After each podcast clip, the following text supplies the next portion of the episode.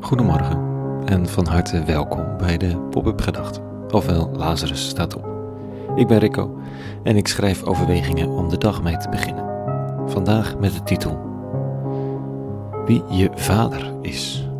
Pop-up Gedachten woensdag 24 maart 2021.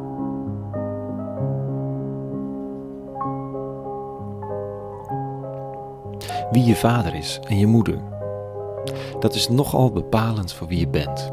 Ook al heb je je afgezet, losgemaakt, vroeg uit huis gegaan. De genen zijn doorgegeven. De manier van denken en doen heeft alles te maken met de manier van denken en doen thuis. Zo gaat dat nu eenmaal. Dat kun je wel zien, dat is er een van Voorberg, zouden ze van mij kunnen zeggen. Ik dacht een jaar of vijftien geleden dat ik het allemaal heel anders ging doen. Dat ik anders in elkaar zat, dat het allemaal heel anders moest. Nu begrijp ik hoe diep verwant ik ben met mijn ouders, zowel in hun kracht als in hun valkuilen. En zo is het nu eenmaal. De context waar ik nu in werk is behoorlijk anders dan de context waar ik in opgroeide. Mijn vrouw heeft een enorme invloed op wie ik geworden ben en daar ben ik zielsdankbaar voor. Maar de basis ligt daar thuis, de nature en nurture van al die vormende jaren aan het begin van het leven.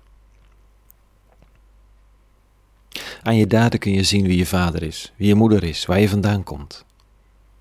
Dat geldt net zo goed voor de Afghanen en Pakistan op de vlucht naar Europa, die je zonder een seconde twijfel rondom de vuren nodigen om mee te eten en die vertellen dat elke gast gezien wordt als een zegen. Het enige wat je moet doen om van belang daar te zijn is gast. Dat is niet alleen van een vader en moeder, maar van generaties lang een diepe, gastvrije, delende cultuur, zelfs in de meest godgeklaagde omstandigheden. Aan de handelingen zie je wie je vader is en je moeder. Spiritueel geldt dat ook. Aan de handelingen en wat je doet en hoe je opstelling is, toon je wie je vader en moeder is, je spirituele leidsman of leidsvrouw. Natuurlijk heeft het ook met karakter te maken en omstandigheden. Maar uit de handelingen kan blijken uit welk vaatje er wordt getapt. En het goede van spiritualiteit is dat je kunt kiezen. Het is geen vast gegeven, geen bloedband waar je niet onderuit kunt. In de spiritualiteit zoek je vaderschap, een thuis, een geestelijk thuis om je door te laten voeden. En als de handelingen, je eigen output, niet matchen met wie je hoopt te zijn, dan is er elke dag opnieuw de kans om op zoek te gaan naar een geestelijk thuis dat voedend, helend en krachtig is. Jezus van Nazareth heeft vandaag een wat harde ontmoeting. Zo gaat dat richting het einde van zijn leven. Met de religieuze leiders die zijn bloed wel kunnen drinken ondertussen. Dit staat er. Ik weet wel dat u nakomelingen van Abraham bent. Toch wilt u mij doden, omdat er in u geen ruimte is voor wat ik zeg. Ik spreek over wat ik gezien heb bij de Vader. U doet wat u gehoord hebt van uw vader. Onze vader is Abraham, zeiden ze.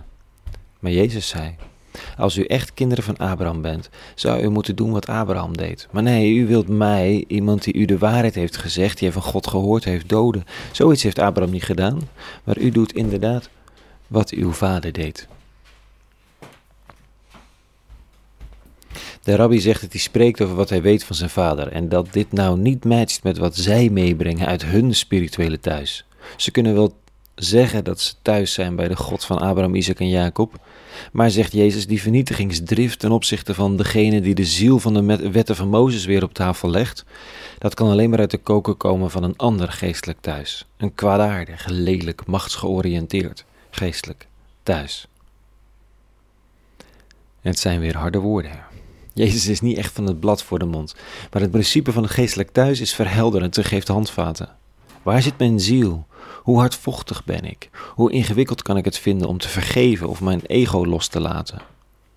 Ik kan mezelf dan op mijn vingers stikken en proberen bij te sturen, of, of ik kan gaan zoeken weer thuis te komen bij de vader, de moeder, spiritueel gezin die mij dichter brengt bij de mens die ik het liefst zou willen zijn. Thuiskomen. Opnieuw thuiskomen. Niet vanwege bloedband, maar vanwege verlangen naar echte goedheid die ik niet van mezelf zomaar kan eisen of waar ik mezelf toe kan dwingen als ik maar hard genoeg mijn best doe, maar waartoe ik mezelf moet laten voeden rond het haardvuur van de eeuwige, aan die tafel, in die rust. Tot zover vanochtend. Een hele goede woensdag gewenst. En vrede natuurlijk. En alle goeds.